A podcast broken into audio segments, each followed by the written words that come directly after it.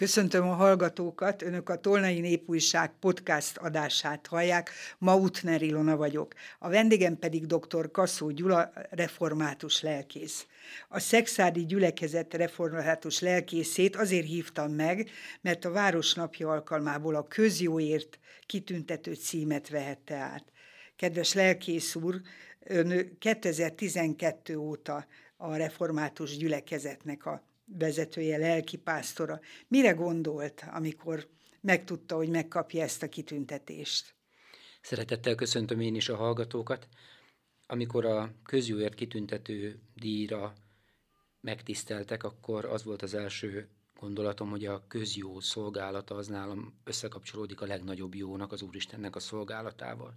És hogyha az ő szolgálatának a melléktermékeként a köz is kap valami kincset rajtam keresztül, akkor az nagyon megtisztelő, és akkor egy visszajelzés talán a szolgálat minőségére nézve is. Az Úristen úgy viszonyul a jóhoz, hogy a maga javát megosztja velünk teljesen, és így köz jóvá válik az, amit ő adott nekünk Krisztusban egészen az életünk részévé vált, és valahol ennek az ajándéknak a továbbadásáról árulkodik talán ez a díj is. Mekkora a szexádi gyülekezet, református gyülekezet? Én nem vagyok a statisztikák híve, úgyhogy itt többféle számot lehetne mondani. A, talán azt mondom, amit, amit tapasztalok, a vasárnapi istentiszteleteken általában 110-120 fő vesz részt, tegnap 111-en voltunk. Ez egy viszonylag kis szám, de szem előtt kell tartani azt, hogy ez egy Dunántúli helyzet, egy abszolút katolikus többségben levő településeken munkálkodunk. Viszonylag kicsi a gyülekezet, tehát egy nagyon ütőképes kis csapat. Úgyhogy a választói névjegyzékünkben is 121 fő szerepel, de a vasárnapi látogatottság is tükrözi azt, hogy aktívak az emberek. Aktívak a közös munkában is, amivel ezt a közös jót elérjük és munkáljuk. A diátonon a következő szavakkal méltatták önt, munkásságát az építés szóval lehet összefoglalni, mind fizikai, mind lelki vonatkozásban. Nagy gondot fordít a református templom folyamatos karbantartására, javítására, megtörtént a parókia átalakítása és felújítása, az udvar és a templomkert fejlesztése. A gyülekezet egykori kántorházának ifjúsági házzá alakítása, valamint a Bezerédi utcai gyülekezeti ház felújítása, tetőcseréje. Kik segítettek önnek ebben a sok munkában? Első renden hadd említsem a gyülekezeti tagokat, akikkel összefogva tényleg közösségi munkában végezzük a legtöbb munkálatot, nem egyszer a szakmunkákat is tulajdonképpen. De szakemberek is vannak, és az különösen nagy ajándéknak tartom, amikor egy-egy szakember a maga szaktudását ajánlja fel adományként az Isten dicsőségére. Az Úr avval a küldetéssel látott el bennünket, hogy munkálkodjatok annak a városnak a jólétén, ahova helyeztelek benneteket. Jeremiás próféta kapja ezt az utalást, és hogy ez nem csak a lelkész érzi magáénak, hanem a közösség is, az mindig nagyon felemelő. Gyakran a családommal is együtt munkálkodok, szó szerint a gyerekeimmel, legutóbb a fiammal bontottuk ki például a jövendőbeli nyílászárónak a helyét. Ez három napja volt, tehát a hétvége előtt tulajdonképpen, vagy talán szombatba is belelógott egy picit. Úgyhogy jó így ebben megélni a közösséget. Együtt csinálunk mindent. Emiatt is mondtam azt a díj átvételekor, hogy a dicsőség az Úristené, a díj, az elismerés elsősorban a közösségé, és köszönöm a megtiszteltetést, hogy ezt így én vehetem át és adhatom tovább. Ez a munka össze is kovácsolja a közösséget. Ez mindenképpen így van, és ezt tartom az egyik legnagyobb összekovácsoló erőnek. Fontos az, hogy a, az Istennel való kapcsolatunk ünneplése, a vasárnapi Isten tisztelet mellett, ahol igei közösségben vagyunk, minél nagyobb felületű életközösség is legyen.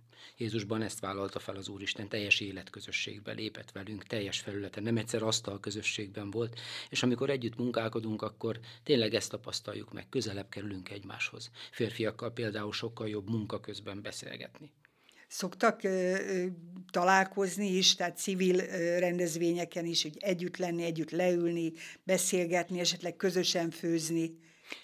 Igen, bár ez nem válik el civil rendezvényként a gyülekezeti rendezvénytől, mert együtt vagyunk férfi körön, van külön nőszövetségi alkalom, a vasárnap istentiszteleteken nyilván több generáció is mindkét nem képviselői jelen vannak, de nagyon mm, szép alkalmak a családi napok például a gyülekezetben, amikor főzni is szoktunk, vagy agapét, szeretett vendégséget tartunk, mindenki a magáiból megkínálja a mellette levőt, és együtt részesülünk abból a jóból, amit kapunk.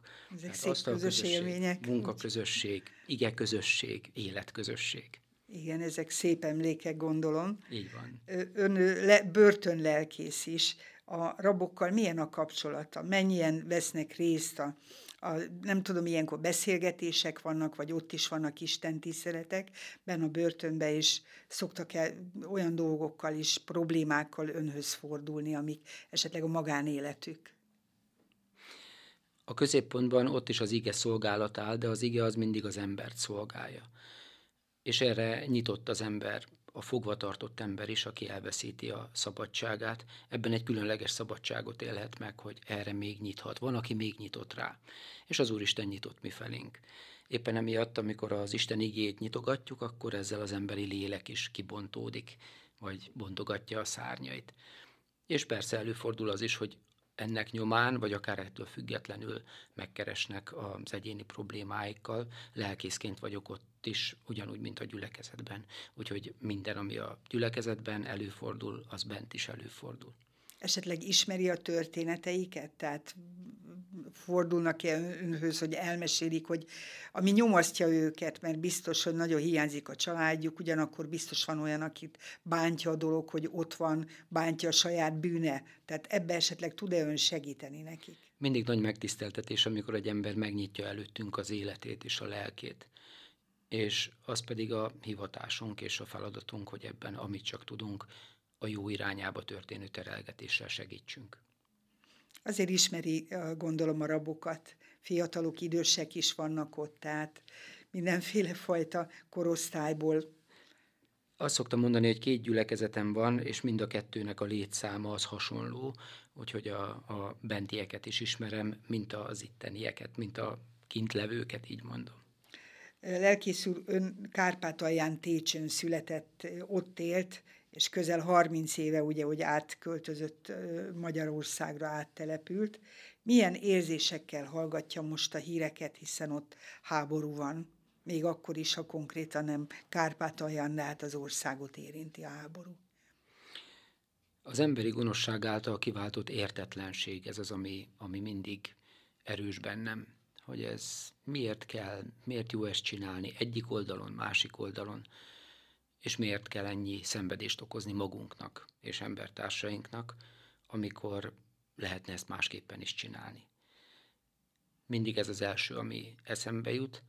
Aztán amikor hallgatom a híreket, és olyasmiről hallgatok, hogy, vagy hallok, hogy becsapódtak rakéták, drónok támadtak, és ekközben azt hallom, hogy néhányan megsebesültek, vagy ne Isten meghaltak. Persze minden egyes emberi élet óriási nagy érték az Úristen szemében is, de mégis azt látom, hogy a nagy gonoszság közepette és munkálkodik az Úristen, és nem engedi akkorára tágulni a pusztítást. Az pedig, amikor az ember kész akarva megy bele a pusztításba, ahogyan teszi ezt most mind a két oldal, abban pedig az ember nagy bűne és hibája tükröződik. Van-e kapcsolata az ott élőkkel? Tehát úgy értem, hogy napi kapcsolata, telefonon beszélnek-e, egymással leveleznek-e? A napi kapcsolattal nagyon óvatosnak kell lenni ebben az időszakban, és bár vannak rokoni szálak, amik összekötnek bennünket, nem igazán, most így fogok fogalmazni, zaklatom őket, amiatt, mert annyira örülnének akár a kapcsolatfelvételnek, hogy olyasmit is elkottyanthatnának, amit pedig egyébként nem kellene. Azt tudni kell, hogy lehallgatják az ottani telefonokat, és azt is tudni kell, hogy a sorozásokkal kapcsolatban nagyon sok probléma adódik. És láttuk a hírekbe is. Hogy... Van. És, és előfordulhat az, hogy, hogy bajba sodródik valaki, például amiatt, mert elmond valaki olyasmit, valami olyasmit valaki telefonon, amit, amit a titkos szolgálat esetleg fel tud használni valaki ellen egy településen, egy faluban. Úgyhogy ezt, a, ezt az esélyt igyekszünk minimalizálni, szeretetben és imádságban gondolunk rájuk, azt ők tudják, hogy számíthatnak ránk, és közben az Úristenben bízunk. Tehát mi ezt nem forszírozzuk. Van-e olyan ismerős, aki konkrétan a fronton harcol? Hát olyan ismerősöm van, volt osztálytársam és barátom, akit mentős tisztként amikor behozott egy beteget a kórházba, ott fogtak le tulajdonképpen, és úgy vitték már a frontvonalra, hogy csak Zsitomérból tudott telefon hívást adni a szüleinek, a családjának, hogy, hogy őt viszik. Úgyhogy ami ott megy, az embertelen minden oldalon. Emiatt is mondtam azt, hogy nagyon óvatosan kell ezzel bánni, mert ember életekről van szó. Lelkészül végül néhány mondatot áruljon el a családjáról. Úgy tudom, hogy a felesége is lelkész. Igen, feleségem Karola is lelkésznő. A szolgálataink azok megoszlanak, együtt végezzük ezt a szép szolgálatot, miközben mindannyian az egy Úristen szolgáljuk, ez nyilvánvaló. Míg én a börtönben törtök heti 20 órát, ő heti nagyjából 20 órát tölt a gyermekek között. És így oszlik ez meg, a gyerekek jobban járnak. Önnek is vannak gyermekei? Igen, igen, négyen vannak a gyermekeink. Egy fiunk van, ő a legidősebben miatt kezdem vele, nem azért, mert a női nemet nem becsülném, nálunk abszolút női többség van oda-haza, négy nő, mert három lányom van a fiam mellett. Ez a szép nagy család. Igen, Hogy érzi magát Szexárdon? Köszönöm szépen, én amiatt is választottam részben Szexárdot, mert, mert közel állt a szívemhez a dombvidék, hegylakó gyerek vagyok técsői születésüként.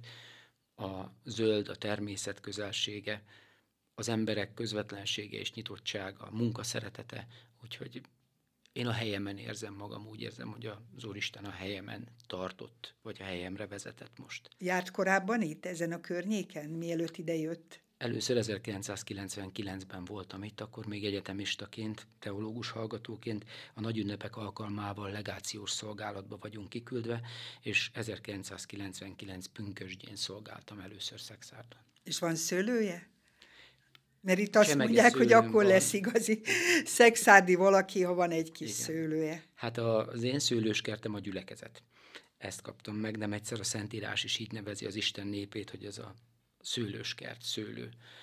De egy néhány tőcsemege szőlőm van, meg gyümölcsfáj is vannak a templomkertben egyébként, amit közösen is művelünk a gyülekezettel. Köszönöm a beszélgetést. Kedves hallgatók, Önök a Tolnai Népújság podcast adását hallották, dr. Kaszó Gyula, református lelkész volt a vendégünk. Áldás békességet!